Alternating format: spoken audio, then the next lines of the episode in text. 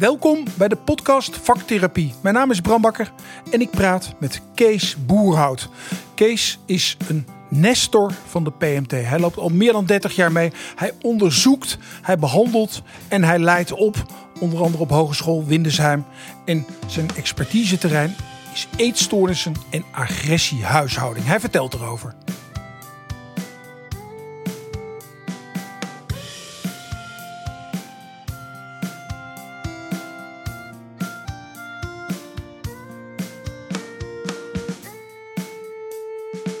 Nou Kees, welkom. Ehm, ik vertelde een docent van de Hogeschool Windesheim dat er een podcast vaktherapie wordt gemaakt. En zij vroeg mij, eh, wie komen er allemaal? En toen noemde ik jouw naam. En toen zei ze, ja, die moet je er wel bij hebben. Oh. Dat, dat, eh, die is er altijd en overal. En, en nou, ze zijn niet honderd jaar, maar wel al heel lang. Dus eh, wat ik begrijp is, ben, je, ben jij een van de senioren ereleden van de PMT-club? Uh, nou, erelid niet hoor, maar wel Dat een van de, de- Ik weet het niet. Ik zo weet oud het ben niet. je nou ook weer niet. Nou, ik ben 65, dus. Maar eh, ik werk al heel lang als psychomotorisch therapeut. Ik heb in de 80 jaren bewegingswetenschappen gedaan. En eh, daarna 30 jaar als PMT gewerkt. Ehm, en ook eh, onderzoek gedaan op dat vakgebied. En nu zit ik in het onderwijs, dus kan ik mooi doorgeven naar de volgende generatie. Oké, maar laten we maar even dan bij bewegingswetenschappen beginnen. Waarschijnlijk aan de VU. Ja, Daar klopt. studeerde ik ook en jullie zaten boven. Oh, Ja, ja. ja. Ehm, er was een tijd dat je als bewegingswetenschapper mocht je ook PMT'er noemen. Dat was een soort minor. En, en dan, Ja, die is er nog steeds. Ja? Een minor psychomotorentherapie. maar, Maar, je bent het dan niet, zei die mevrouw die ik gisteren sprak. Die zei, Oh, dat is, eh, de... nee, nee, dan voldoe je nog niet helemaal aan alle praktische voorwaarden... om ook werkelijk lid van de Nederlandse Vereniging voor PMT te worden. En, en de- hoe word je lid van de Nederlandse Vereniging voor PMT? Eh, nou, dan moet je een eh, goedgekeurde opleiding gevolgd hebben. Bijvoorbeeld opleiding in Zwolle of in Nijmegen aan de Han.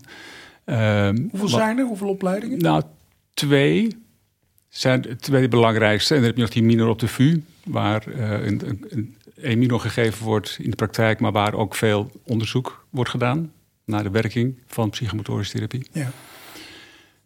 Dus dat zijn de belangrijkste trajecten. En Windesheim met name, waar ik dan ben, daar heb je een bachelor variant, je hebt ook een master variant, je hebt ook een deeltijdvariant.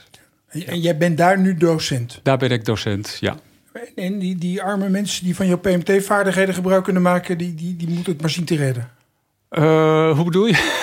Die, Dat één op één PMT, dat doe je niet meer. Eh, oh zo, nee, ik ben niet meer in de praktijk. Ik heb nog wel vorig jaar ingevallen in de kliniek waar ik altijd gewerkt heb. Kliniek voor eetstoornissen. Daar hadden ze een tijdje even geen collega. Toen ben ik weer teruggegaan. En heb ik met veel plezier nog eh, een jaar eh, PMT gegeven. Waar- waarom Ja. ben je er dan mee opgehouden? Jij bent een beetje flauw, maar je denkt dan... Je, Nou, ik, ik, ik, ik had 30 jaar gewerkt. En toen dacht ik, eh, nu vind ik het genoeg. En ik kon op Wintersheim eh, terecht als docent. En ik ben ook in het bestuur gegaan Ja. van de Nederlandse Vereniging voor PMT. En eh, dat vond ik wel genoeg. En ben ook nog aan het schrijven over het vak. Dus eh, vandaar. Zo word je wel de Nestor. Eh, nou, misschien wel. Ja, dit doet me een beetje denken aan de haptonoom Ted Troost. Die, dan, Oh, ja.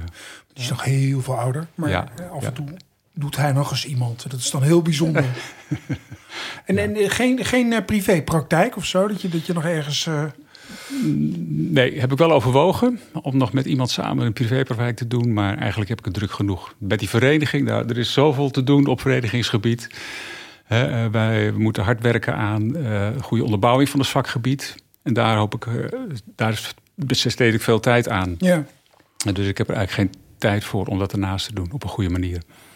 snap ik. Ja. Ehm, dat, dat is hier al eerder in gesprekken gepasseerd.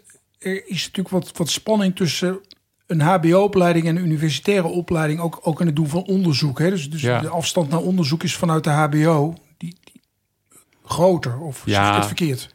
Nou, misschien wel. Omdat ik uit. denk, nou kijk, wat ik heel belangrijk, dat wil ik wel even heel duidelijk zeggen. Dat, eh, het wat gaat om jouw zeggen- verhaal. Hè? Wat ik ervan vind, doet Nou, er niet toe. Kijk, mijn verhaal is wel dat praktijk en onderzoek hebben elkaar heel hard nodig. En daar is inderdaad wel, hè, wordt altijd gezegd, een kloof tussen. Maar die proberen we juist heel erg te verkleinen. Door eh, collega's ook te helpen om makkelijk meetprocessen eh, te gaan doen. Ja. Eh, omdat je natuurlijk ook als professional wil weten, werkt het wat ik te bieden heb? Dus wat zijn de werkingsmechanismen? Wat zijn de effecten voor de Mhm. nameting? Mhm. En uh, daarin hebben zij de onderzoekers nodig. En wij hebben natuurlijk de praktijkmensen nodig om hun interventies te maken. Ja. Dus dat ligt voor mijn gevoel. Het is ook, mm, ja, die twee heb ik ook in mij zitten. Ik ben eigenlijk vanuit de praktijk het onderzoek begonnen. En uh, nou, er wordt wel gezegd: er is niks zo praktisch als een goed onderzoek of een goede theorie. Hè? Dus voor mij is dat niet zo'n grote kloof. En ik hoop heel veel collega's daarin mee te krijgen. Dat die kloof helemaal niet zo groot is. Nee, maar ik ga toch nog een beetje verder problematiseren, omdat, omdat dit ook aan mij raakt. Ik was ooit en een onderzoeker en, en een psychiater. Bleek niet te combineren. En wat je in dat vak ziet, is dat de onderzoekers die hebben de werkvloer achter zich gelaten. En de mensen op de werkvloer doen het onderzoek niet. En wat je ook krijgt vervolgens, en dat, daarom is het denk ik een relevante vraag, is dat wat in onderzoek wordt gevonden, in toenemende mate niet direct toepasbaar in de praktijk. Ja, dat hangt van het onderzoek af. Ja, maar hoe bewaak je dan dat het onderzoek de praktijk dient? Door de praktijk te volgen. Ik heb twee gecontroleerde uh, trials gedraaid. Uh, die zoveel mogelijk aansloten bij de praktijk zoals die gaat. Ja. En dat vraagt, vraagt wel organisatie. Je moet natuurlijk ook de afdelingen meekrijgen. Je moet een team om je heen hebben die uh, ook bestaat uit onderzoekers die willen meewerken. Je moet er wat tijd voor krijgen. Ja. Dus die combinatie praktijk en onderzoek, dat heb ik tien jaar gedaan. Dat is me heel goed bevallen. Maar je bent, uh, je bent, je bent niet gemiddeld op dit punt. Uh, nee, ik denk, ik denk het niet. Want als je zo'n trial is vaak heel duur, moet je heel erg organiseren. Maar ehm, ik denk dat ik daar op de goede plek op het juiste moment was met de juiste boodschap. En, en om maar bij een tierpunt te beginnen, in ieder geval in medisch onderzoek, de financiering. Hoe, hoe, waar haal je de gelden vandaan als je als PMT onderzoek wil doen? Ja, dat, dat is hard werken. Ja. uh, ik, ik kreeg alleen maar tijd eigenlijk in, die, in die, periode. Vrijgesteld. Vrijgesteld van. En nu hebben we natuurlijk het lectoraat op, in Zwolle, Windersheim. Die uh, een hele leuke, goede lector. En die die club die uh, haalt allerlei subsidies binnen, bij ZonMW bijvoorbeeld. Voor, en, voor, de hele voor de hele instelling? Voor, voor, voor de PMT, dus voor, de werkzaamheid van psychomotorische therapie bij verschillende doelgroepen. Is er dan een lectoraat PMT? Ja, ja. Oh. Ja, zeker. Ja, Verbonden aan de opleiding voor psychomotorische therapie.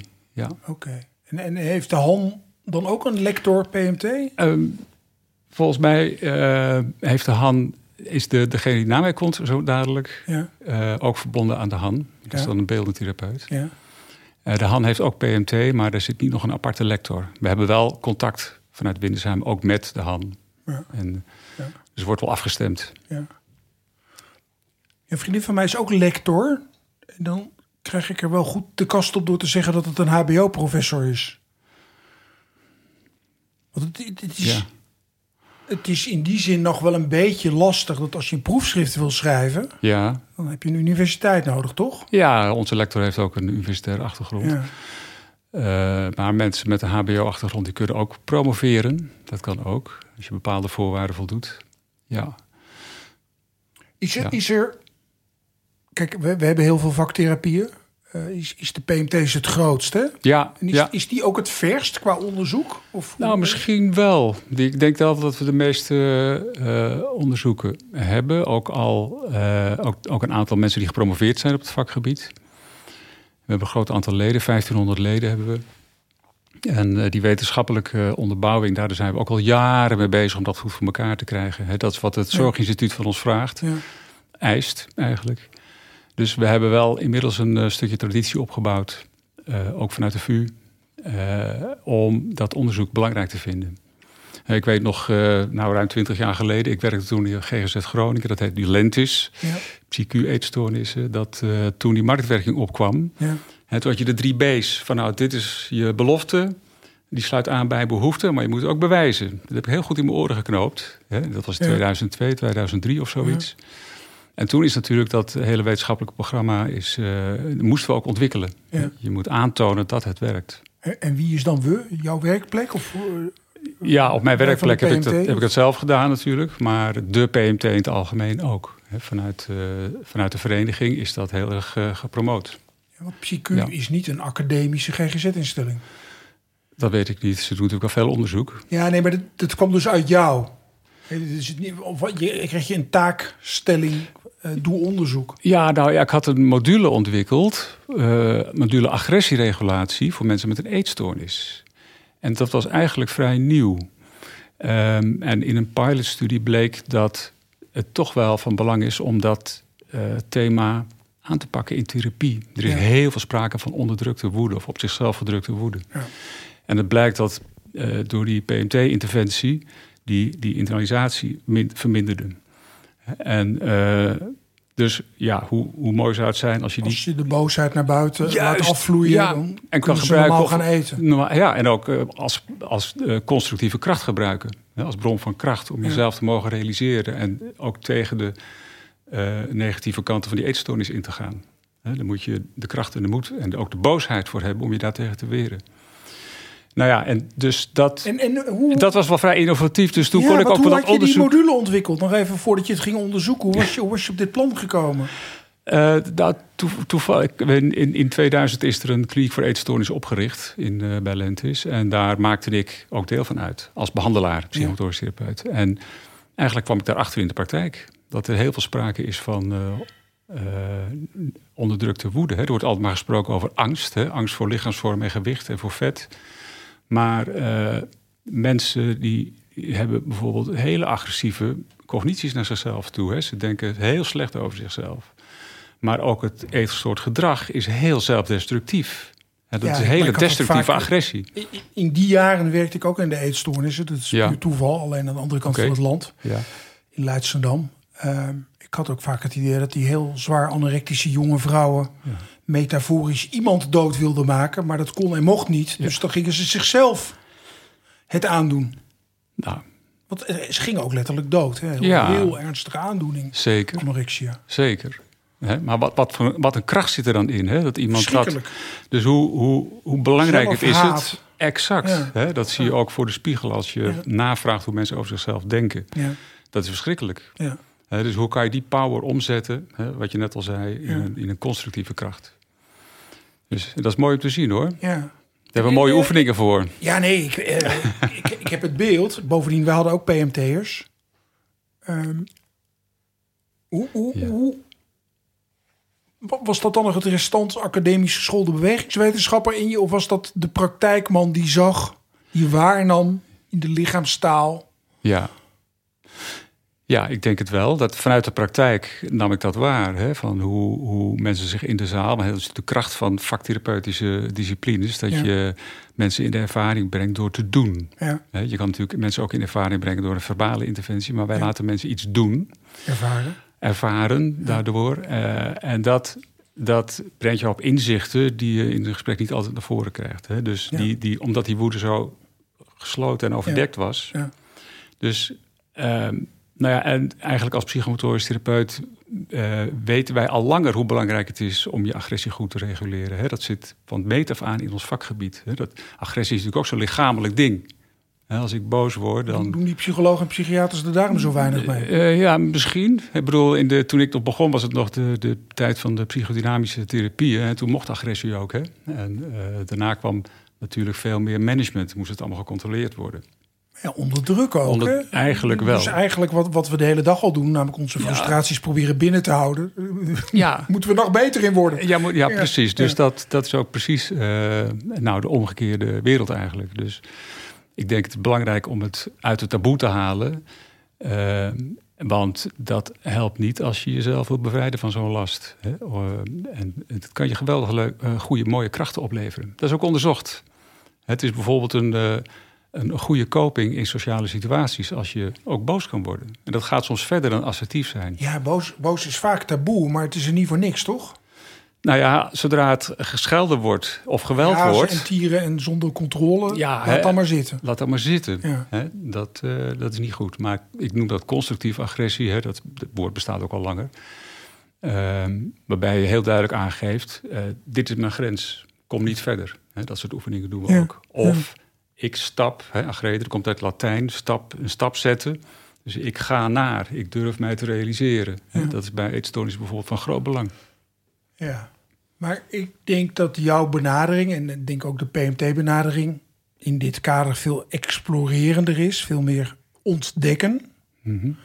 En ik sprak toevallig van de week iemand hierover en die zei: Ik vind het zo paradoxaal dat die mensen dan tegelijkertijd antidepressiva krijgen, waarvan het werkingsmechanisme is onderdrukken. Mhm. Dus eigenlijk draai je, draai je aan twee knoppen met tegengestelde effecten. Ja, Hoe, Ja. hoe kijk jij daarnaar? Nou, ik, eh, dan, dan eh, kijk, we werken vaak in een multidisciplinair team. Dus eh, dan is het een kwestie van goed afspraken maken. Hè? Als iemand inderdaad heel erg zwaar in depressie zit, ja, dan zou je iemand misschien ook heel moeilijk in beweging krijgen. Hè? Dan, dan kun je wel andere PMT-technieken Ja. toepassen, met aanraken bijvoorbeeld. Ja. Eh, maar wanneer de medicatie wel teruggebracht kan worden hè, en er wat meer emotie ook weer mag komen, dan is eh, een eh, bewegingsaanbod eh, heel erg aangewezen. Kan het ook prima samen. Dan zie jij Ja. medicatie als een manier om, om, om op het punt te komen dat jij aan het werk kan. Ja, ja, ik denk vanaf een bepaald moment. Hè, eh, ja, het is niet mijn directe doelgroep. Ik heb toevallig wel net eh, deelgenomen aan eh, de nieuwe multidisciplinaire richtlijn voor depressie. Om daar de psychomotorentherapie en de andere Oh, wat goed. in te positioneren. Ja, dat doen we Hoe, ook. gaat dat goed? Komt die PMT daar Ja, goed die in? komt, ja, komt er goed in. En eh, de hele vaktherapie die, die moet er natuurlijk in. Hè, dat, eh, en er zijn, er zijn twee zijn eruit gelicht om nog verder up-to-date te maken. Dat is de PMT en de muziek. Maar vaktherapie heeft in zijn algemeen heel veel te bieden voor mensen met een depressie. Jij zijn ook lectoren vaktherapie? Of, Eh, ja, dat. Ik, ik, ik moet me nu even beperken tot de lector eh, Ja, van mijn wat, jij- vakgebied. wat jij weet, ja. Ja, Nee, maar kijk, in deze gesprekken valt mij op dat, dat, dat, dat de kracht van die vaktherapie volgens mij toch is mensen helpen om in hun lichaam te komen. Ja. Dat veel mensen verdwalen in hun hoofd. ja, ja. En dat standaard cognitieve therapieprotocollen, eh, dat die andere weggetjes in het hoofd zoeken. Maar alles draait dan om het hoofd. ja. Ja. En ik denk dat, dat de vaktherapie niet alleen toegevoegde waarde heeft, maar een fundamenteel ander, andere ingang kiest. Nou, dat geloof ik ook zeker. Het gaat niet alleen om over cognities, over, over gedachten. Het gaat niet alleen over emotie, het gaat ook over gedrag. Ja. Hè? Wij grijpen aan op ook gedrag wat we zien. Ja. En dat, heeft, dat is een wisselwerking natuurlijk, dat hele Ja. systeem. Beelden die mensen hebben. Ehm, dus dat is wel, het maakt het wel completer. Vandaar ook de naam psychomotorisch. Hè? Van dat, het, is, het is het hele gebied wat we Ja. proberen te pakken. Ja. Ja. En, en hoe, want jij loopt, je loopt net als ik lang mee. Hoe, Ja. gaat het met de emancipatie? Want in de GGZ 10, 20 jaar geleden, jij weet net als ik, cognitieve therapie en medicatie, dat was het hoogste. En de mensen die dat voorschreven, de klinisch psychologen, de psychiaters, die hadden het voor het zeggen. Mhm. Ga- gaat het beter? Komt de, komt de vaktherapie geleidelijk meer Hmm. in hetzelfde speelveld? Nou, vind ik wel. Ja? Ja, ja, zeker. Eh, Omdat je ook ziet dat eh, het aansluit bij behoeftes die mensen hebben. Hè, eh, dat geldt natuurlijk voor de hele fitness. dus dat mensen zo met hun lijf bezig zijn, gaat verder dan alleen maar je lichamelijke conditie. Hè. Ja. Het heeft ook effect op hoe je je voelt, hoe je Ja. denkt, hoe je handelt, hoe je omgaat met anderen, met jezelf.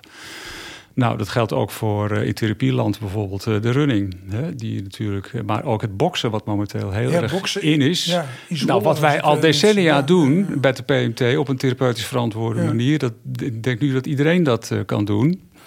Het is wel een vak, hè? laten we dat ook nog even benadrukken. Wat? Boksen, ga- gaan boksen met mensen op Ja, ook- therapeutische basis. Dat, Ja, dat doe je niet in een cursusje van twee middagen. exact. Ja, dat is belangrijk. Dat, ja, dat, en dat koppel ik dan toch aan mijn vakgebied. Ja. Omdat we daar eh, decennia lang al heel veel ervaring mee hebben. Ja. Hè, van dat je niet mensen alleen maar laat rammen. Maar Ja. dat je het goed voorziet van betekenisverlening. En, Ja. Nou ja, Maar jij zegt het gaat wel goed. Want ik heb ook wel eens, ja. soms ben ik, een beetje, ben ik een beetje pessimistisch, maar dat, zal met mijn leeftijd te maken hebben. Dan denk ik, het is ook bij de gratie van het feit dat Prozac en cognitieve therapie zo teleurstellend zijn op lange termijn, ja. dat mensen meer behoefte krijgen aan andersoortige interventies. ja. Dus het, het, het falen van de eenzijdige benadering leidt tot de populariteit. En, en op zich is dat natuurlijk goed Hm. van de vaktherapieën. Ja, ja ik, ik, ik ben wel optimistisch, moet ik zeggen. Omdat, ehm, kijk, je, je bereikt natuurlijk wel het nodige met de klassieke vormen, hè, die, die, die eh, laten we zeggen, de, de hoofdbehandelaren zijn. Maar het is mijn ervaring dat ehm, zowel collega's als ook patiënten heel erg de waarde zien van ons soort therapieën. Dat geldt voor alle vaktherapeutische disciplines. Eh, het punt is alleen dat het ja, qua onderzoek lopen we natuurlijk achter. En dat is wat de verzekeraars, zorginstituut, die vraagt daar natuurlijk om. Je moet ons cijfers aanleveren als bewijs. Dat is natuurlijk een beetje het moeilijke. Maar inhoudelijk ben ik heel optimistisch. En dat onderzoek komt ook wel. Oké, en dan ga ik je even een hypothetische vraag voorleggen. Ik heb een dochter, maar ze heeft geen eetprobleem. Uh, maar stel nu dat mijn dochter, ze is 18, meldt dat ze met enige regelmaat na het eten overgeeft. Ehm, en, en dat ze daar graag van af wil. Of ze, ze, komt via de tandarts, want haar glazuur is aangetast. Hè? Je hebt, mm. nou, die aanvliegroutes, die ken je, hè? Mm wat, wat, wat, wat gun jij mijn dochter als gedroomd behandeltraject?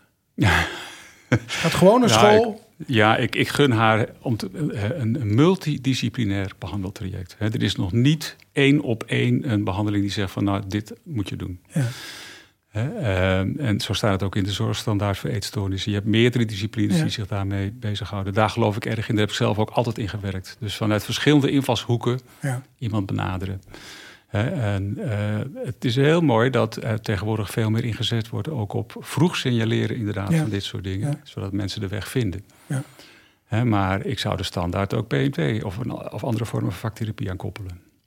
En laten we zeggen, omgaan, leren omgaan met de angst, met, uh, maar ook met de woede. Dus vanuit mijn optiek. Ja, maar kijk, daar zit dus mijn punt. Ik ben, ben in, de, in de loop van deze gesprekken overtuigd, was ik heus al wel, maar nog meer overtuigd van de waarde van vaktherapie. Mhm.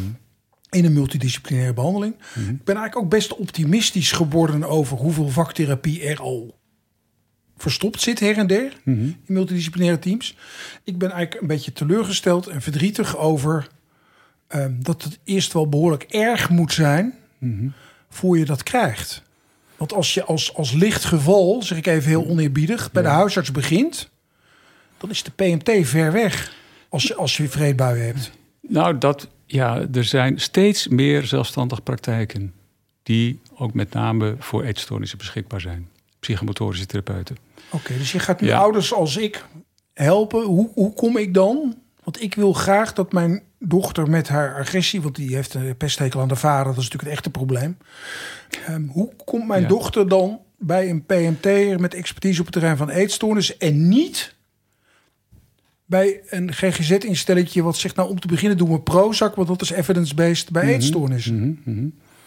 Ja, ik, ik, denk dat de huisarts uh, een sociale kaart zou moeten hebben, hè, waar dan die betreffende praktijken zijn gevestigd. En uh, moet natuurlijk wel eerst goede diagnostiek plaatsvinden. Hè, om uit te maken hoe, hoe ernstig is het. En daar gaat het al natuurlijk mis, wel ben je ze vaak al kwijt. Want de diagnostiek moet door de GZ-psycholoog of de psychiater of de klinische psycholoog. Ja, nou ja, dat, wij, wij vanuit de PMT of andere vaktherapieën doen ook wel diagnostiek, observaties. Maar je hebt natuurlijk wel eerst de formele uh, diagnostiek die ook plaats moet vinden. Hè, om te kijken hoe ernstig het is. Maar, maar, maar moet van wie, Kees? Ja, ik ben, ben vervelend hoor. Ja. Maar ik, denk dan van ja, ik, wil, ik gun mijn dochter Kees. Ja. En, de rest is bijzaak. Ja, ja. Hoe, hoe, krijgen, we, hoe krijgen we jou laagdrempelig toegankelijk in het hele land? Uh, ja, dat zou ik zo 1, 2, 3 niet, uh, niet, niet weten eerlijk gezegd. Uh, ik heb nooit een eigen praktijk gehad. Dus. Nee, maar, maar herken je mijn herken je mijn vraag? Want het is zo, in de praktijk is het namelijk echt een vraag. Ik, ik woon hier in de omgeving van het mythische Bloemendaal. Ja. Je gelooft het niet. Geld speelt geen rol. Ja. Maar hoeveel ouders met dubbele banen en, mm. en, en uh, bovenmodale inkomen stoppen met kinderen met dit soort problematiek? Ja. Ja. Die ouders zijn bereid te betalen. Die kinderen hoeven echt niet een jaar op de wachtlijst bij de jeugdzorg... Mhm. qua financiële mogelijkheden van die ouders. Maar ik en ik zit redelijk in dit vak. Ja. Ik, ik ken de PMT'er die eetstoornissen doet in de regio Haarlem. Ik ken hem niet. Nee. nee nou, dat is, dat, dat is wel een... Uh, waar we aan moeten werken dan. Hè? Blijkbaar moeten we ons goed uh, bekend maken, ook bij de verwijzers. Hè? Je hebt, nou ja, uh, kijk, als het gaat. heel goed meeluistert, maar. Ja, ja, ja. misschien wel. Ja, je hebt natuurlijk bij, bij de jeugd ook zo'n mooie club momenteel, hè? K-Eat, Kate. Hè? Die heeft een hulplijn. Daar kun je natuurlijk ook weer aankloppen van, nou, wat zijn de goede ingangen? Maar ehm, ja, vanuit de hele zorgstandaard waar wij ook bij moeten aansluiten, is er natuurlijk een, een, een heel zorgvuldig opgebouwd ja. diagnostisch systeem. En daar, uh, ja, daar, misschien is dat, het is natuurlijk een, een, een vrij uh, complexe stoornis vaak. Het is vaak niet één op één. Uh, toch goed om dat wel eerst te volgen misschien. Hè? Maar, ja, nee, dat, ik snap okay. het. En je, je, bent, je bent een zorgvuldig mens, dat merk ik aan alles. en, en, dat is ook goed. Um, De andere kant is dat in de tweede lijn werken, tweede lijns werken, moet niet verworden tot tweede rangs Nee, dat is waar. Daar ben ik het mee en eens. Ik vind wel dat er veel gebeurt in de specialistische GGZ, Mhm. wat te ver weg is. Ik, Ja. ik heb een meisje van 26, ik ga daar langs, want de GGZ wil niet thuiskomen. Ligt al twee jaar in bed, is 26 jaar. Ja. En dan praten wij met een derde lijns centrum eh somatoforme stoornissen. En dan zegt ze, ja, je moet eerst beter worden om hier terecht te kunnen. ja. En, en ik snap het niet meer. Nee, dat snap ik ook niet. Nee. Nee. En, en, en daar is, is, is iets te doen voor ons met z'n allen. Want jij houdt Ja. van vaktherapie, ik hou van vaktherapie. Ja. Ja. En, en, en ik heb liever dat mijn dochter geen pillen krijgt die het onderdrukken. Ik heb, ik heb liever dat het eruit komt. Ja. Ja. Ook, ook al is het agressie die aan mijn adres is gericht. Ja, ja, ja, ja. Ja, ben ik het mee eens. Ja. Maar jij zit, jij zit Ja. natuurlijk aan de kant van de bewijsvoering. Ja, dat heeft wel mijn aandacht af. ja, Ja. En nog steeds, hè, omdat dat eh, voor het behoud en voor de voortzetting van ons vakgebied eh, belangrijk wordt gevonden. Hè, dat je die bewijzen kunt overleggen. Eh, maar inhoudelijk denk ik dat, eh, dat er nog heel wat te winnen valt aan het, eh, en daar werkt deze podcast natuurlijk Ja. ook aan mee, aan het bekendmaken van de mogelijkheden die we als vaktherapeuten hebben. Hè. En er zijn steeds meer zelfstandig praktijken. Hè, dus niet alleen maar in instellingen, waar ook polyklinisch verwezen kan worden naar een eh, vaktherapeut. Ja. Eh, ehm, en maar eh, ja, dat zou bekend moeten worden bij de verwijzers, bij de huisartsen. Misschien hebben we daar nog veel werk te verrichten. Nou ja, ik denk dat jij ze kan opleiden. Dus de PMT'ers Mhm. die bereid en in staat zijn om een vrijgevestigde praktijk te voeren voor mensen met eetproblematiek. Ja, Nou, ik denk die, die, daar loopt het heel snel over. ja nee, dat is waar. Dat is eh, een groot probleem. Er zijn heel veel mensen die daar jaarlijks onder lijden. En er komen er elk jaar weer heel veel bij. Dus Ja, zeker. Dus, dus we, moeten, we moeten wel aan de federatie gaan vragen om ons te helpen. We moeten aan de bak. Ja, jij, jij vanuit de wetenschap en ik, ik vanuit een ouder, zoals er veel zijn, zeg maar. Ja, ja, dat lijkt me wel. Ja, Ja. de ouders die, die, die doen mee. Hè. Wij hebben, bij Lentis hadden we ook een meergezinsdagbehandeling bijvoorbeeld. Dat was leuk. Ik had, had Ja. ik meerdere gezinnen in de zaal van de PMT. Het werkt ook krachtig. Hè? En dat werkt Ja, prachtig. Hè? Dan eh, laat je bijvoorbeeld, eh, ik liet dan eh, vader, moeder en dochter aan één kant van de zaal staan. En omdat dat natuurlijk ook autonomieproblematiek is, vroeg ik aan het systeem van, nou oké, je gaat op eigen benen. Ja. Dus loop maar naar de andere kant van de zaal. Hè? Want al afgesproken, daar is jouw leven. Dus dat kleden we helemaal in op die manier. Nou, zij was nog geen drie meter weg. Of die moeder die, die ging er huilend achteraan om haar weer terug te trekken. Afijn, je, je kunt dus ook systemisch, dus met een gezin, Ja, heel veel mooie dingen uitwerken met ons soort vakgebieden. ja. Ik heb ook gebokst met vaders. En die hebben ze natuurlijk ook, de ouders zitten natuurlijk. ook met de frustratie, agressie. Hè? Van die doen verschrikkelijk hun best om dat voor elkaar te krijgen. heeft impact op het hele gezin. Dus eh, nou, we waren allebei kapot na dat eh, Ja, boksen. mooi, ja, was mooi. prachtig, prachtig. Maar Ja. is, vind je het dan ook niet verdrietig dat, dat er kort door de bocht types in GGZ-land lopen die zeggen eh, anorexia is een hersenziekte van een individu? Ja, dat is jammer. Ja, daar, dat daar hebben we toch nog wel een weggetje te gaan. Ja, zeker. En systemisch is het meisje met de eetstoornis, dat is ook degene die op een bepaalde manier andere systeemleden vrij speelt. Mhm. Want daar zit onze Jeannette en dat is het probleemgeval. Ja, ja. Ja, precies. Nou, wat, hoe stigma is dat? Hè? Eh, en, en het is natuurlijk meer dan alleen maar de hersens. Kijk, de, net als met. Kijk, therapie grijpt natuurlijk aan op de hersens, hersengebieden, net als running bijvoorbeeld. Ja. Eh, maar daarmee is het nog niet gedaan. Hè? Het, Nee. het, het eh, bevordert de prikkeloverdracht. gelukshormonen worden bevorderd, stresshormonen gaan omlaag. Hè? Je kunt allerlei hersenactiviteit natuurlijk beïnvloeden. Dat is hartstikke mooi. Ja. Maar daaromheen eh, zit natuurlijk hoe, hoe iemand zichzelf eh, waardeert, bijvoorbeeld. Hè? Wat voor emoties Ja. erbij komen kijken. Of eh, wat voor veroordelingen er meespelen. Hoe iemand met compensatiemechanismen bijvoorbeeld omgaat. Hè? Zichzelf daarmee kapot maakt. Ja. Hè, dat levert alleen maar schijncontrole op. Dus hoe ga je om met dat soort Ja. symptomen van de pathologie? Dat is niet alleen maar de hersenen. Nee. Precies. Ik ken nu, dat, ik ik hoop dat jij het herkent, maar ik ken een jonge vrouw die, die eigenlijk al jarenlang in behandeling, uitbehandeling met, met, met serieuze forse anorexia gaat. En ik, ik kijk het een beetje aan en systemisch lijkt het er toch op dat haar moeder de stoornis van die dochter gebruikt. Want eh, het bindmiddel in het gezin is de eetstoornis van deze dochter. En, en het lijkt alsof moeder bang is wat er gebeurt als de dochter zegt ik ga op eigen benen staan en Mhm. ik ga met of zonder eetprobleem een eindje verderop zitten. Ja, nee, maar daarom is het zo belangrijk om het systeem ook Ja. bij te betrekken. Ja? En, eh, want daarmee krijgt eh, zij misschien echt een eetstoornis identiteit. Hè? En kom daar maar eens van los. ja, En die moeder, er is een soort wederzijdse afhankelijkheid. En hoe, hoe krijg je die? Hè? Hoe krijg je een gezonde individuatie op gang? Hè? Eh, betekent niet dat je het contact verbreekt. nee, maar, nee, maar dat is helemaal niet de het bedoeling. is helemaal niet de bedoeling, Nee, hè? maar je wil in verbondenheid afstand kunnen hebben. Elkaar laten leven. Daar zijn ook mooie vormen voor. En, Ja, en agressie is denk ik toch ook vaak het spiegelbeeld van angst. Dus, dus de agressie ja. van zo'n eetgestoorde jongen of eh, jongen of meisje Hmm. heeft toch vaak ook te maken met angst bij ouders of in de omgeving.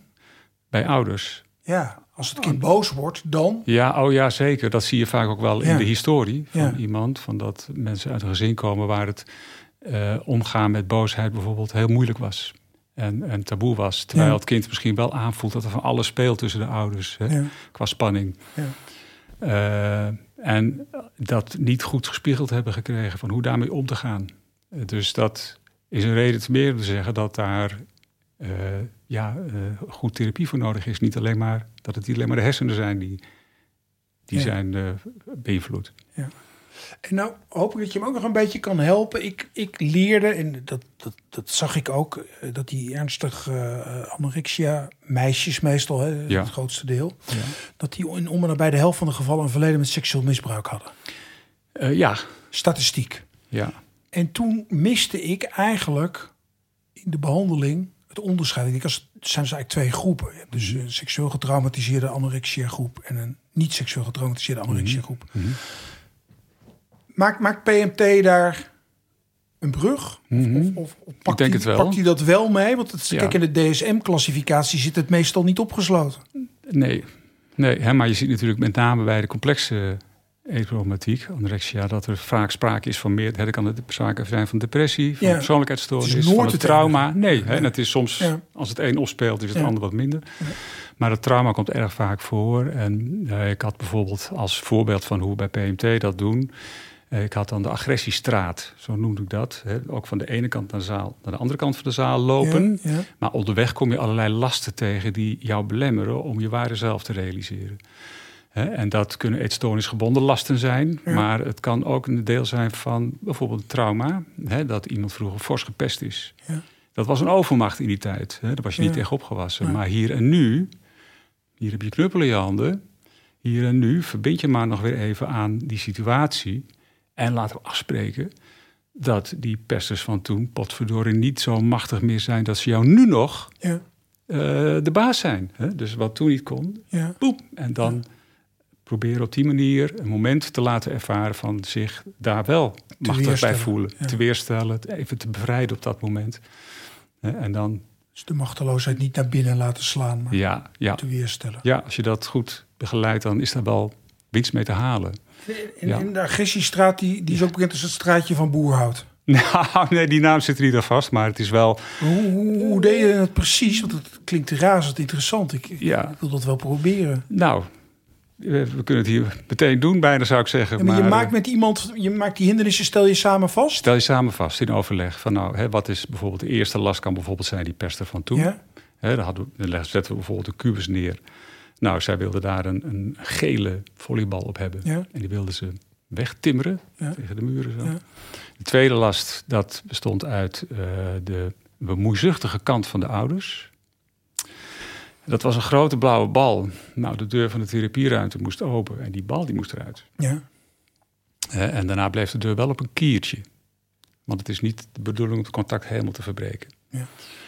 Eh, en het derde last, dat, dat was de, de eetstoornis. Of een bepaalde kant van de eetstoornis. En dat is vaak heel moeilijk. Hoe gaan we die weergeven? Bijvoorbeeld een grote stapel blokken. ja, Eh, en eh, ik herinner me een voorbeeld dat mensen dat iemand twee blokken opgestapeld had en er doorheen wilde. Ik wil er niet omheen, ik wil door die blokken heen. En ehm, nou, eerst werd het haar te machtig, lukte het niet. En met de nodige aansporing wel ging ze het ook echt aan. eh, met tranen in de ogen. Ja, Smeet die enorm blok aan de kant. En toen was ze aan de andere kant. Maar toen voelde ze zich heel alleen.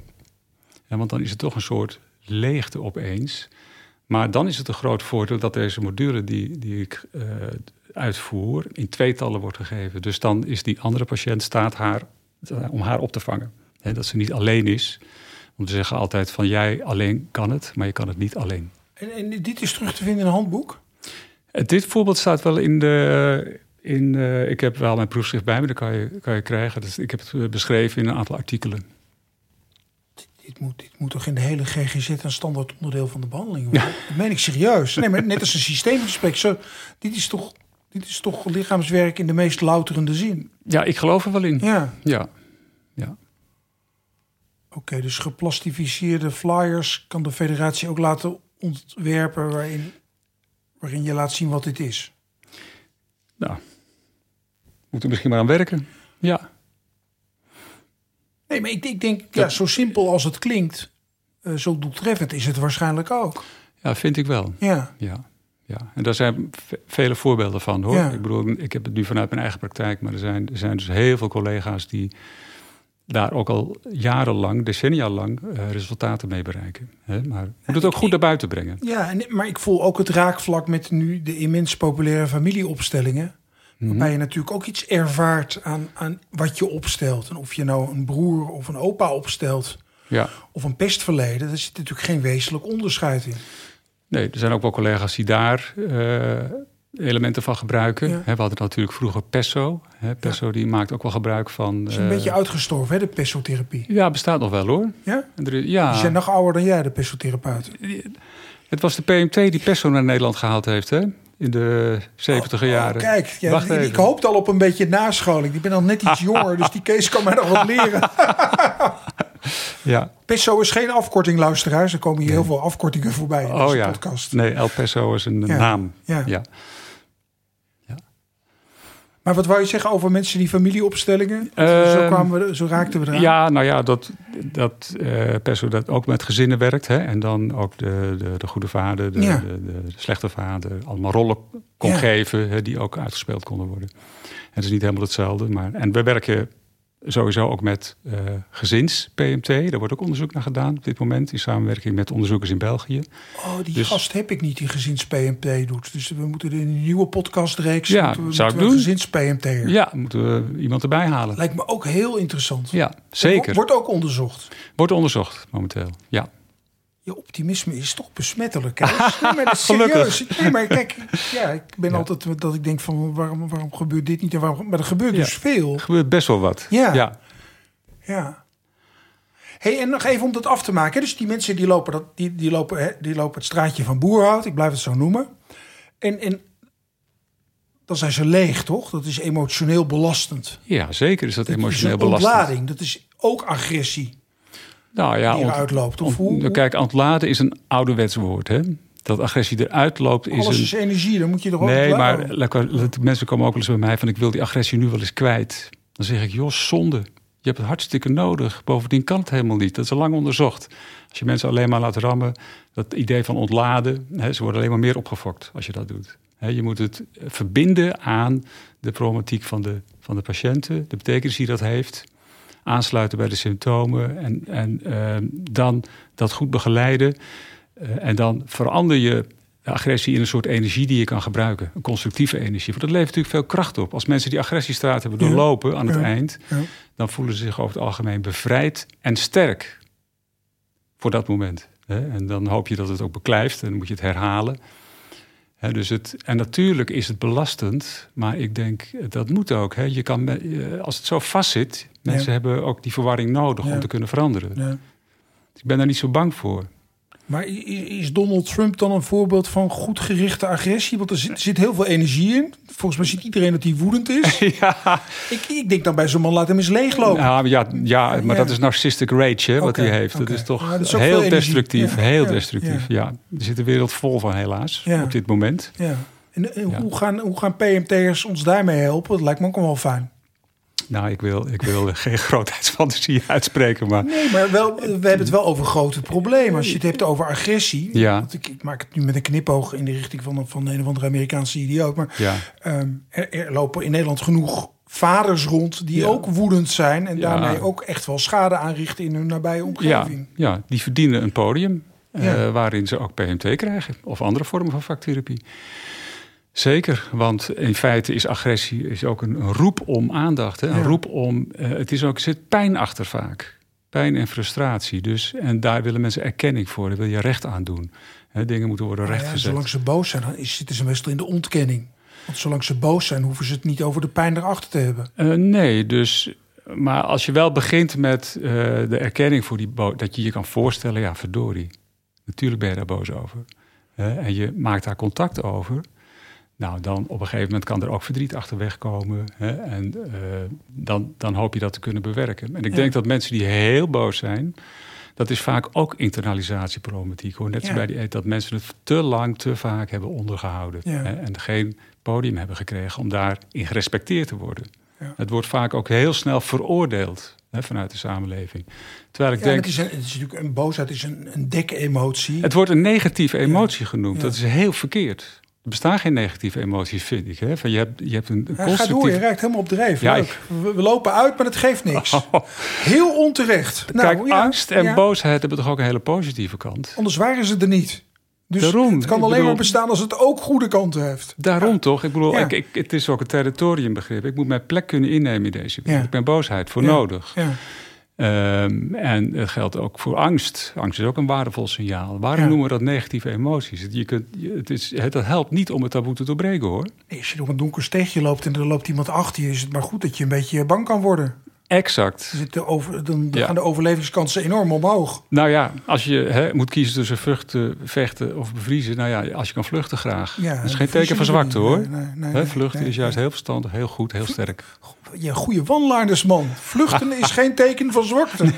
Nou, dat is de titel van deze podcast. Zou het, zou het nou helpen? Hè? Want ik, dus ik, gun, ik gun de mensen uit het straatje van Boerhout echt waar. Zou het nou helpen als we, als we bijvoorbeeld eh, in de DSM-6, weet ik wat we krijgen... Als, als we agressieproblematiek als, als een soort hoofddiagnose zouden erkennen? Zou ook wel voor zijn. Want dan kun je ja, veel laagdrempeliger insteken Ja. Op, op het emotionele probleem. Nou ja, kijk, eh, het is in feite een transdiagnostisch begrip. Ja. Hè. Het komt natuurlijk bij veel, bij veel Ja. stoornissen voor. Bij depressie, Ja. hè, ook als geïnhibeerde agressie soms. eh, maar ook bij andere stoornissen. De borderline die het naar buiten Nou. laat ploffen zonder enige controle. Ja, die, die hebben mij heel veel geleerd over mijn eigen agressiehuishouding. hoor. Dus dat is inderdaad zeker waar. Irritante wijven. nou ja, Tegenoverdracht. maar goed, dat is ook Ja. voor, waar vaktherapeuten sterk Ja. in zijn. Hè, in die Ja. transdiagnostische factoren. Hè, daar hebben we er ook een aantal van waar we ons op richten binnen de vaktherapie. En emotieregulatie is er één van. En binnen die emotieregulatie nou, past ook de regulatie van woede en agressie. Ja. Agressie moeten we definiëren als gedrag wat voortkomt uit woede gerelateerde emoties, cognities en beelden. Een hele lange one-liner. Ja. Wie- wie- nou, maar wie- mensen gooien het wel eens door elkaar Ja, namelijk. nee, maar doe nog één keer, want dan kan ik kan, ik kan Dus agressie? Is, ja? Is gedrag wat voortkomt uit woede gerelateerde emoties, cognities, beelden, impulsen. Wow. In verschillende gradaties. Maar dat, dat is echt een keiharde indicatie voor PMT, toch? Ja, vind ik wel. Ja, Ja, nee, ja, dat zeker. sluit er één op één op aan. Ehm, we kunnen nog uren door, Ja, maar ehm, het zit erop. Dankjewel. oké, graag gedaan. Ik heb me veel geleerd. Fijn bedankt.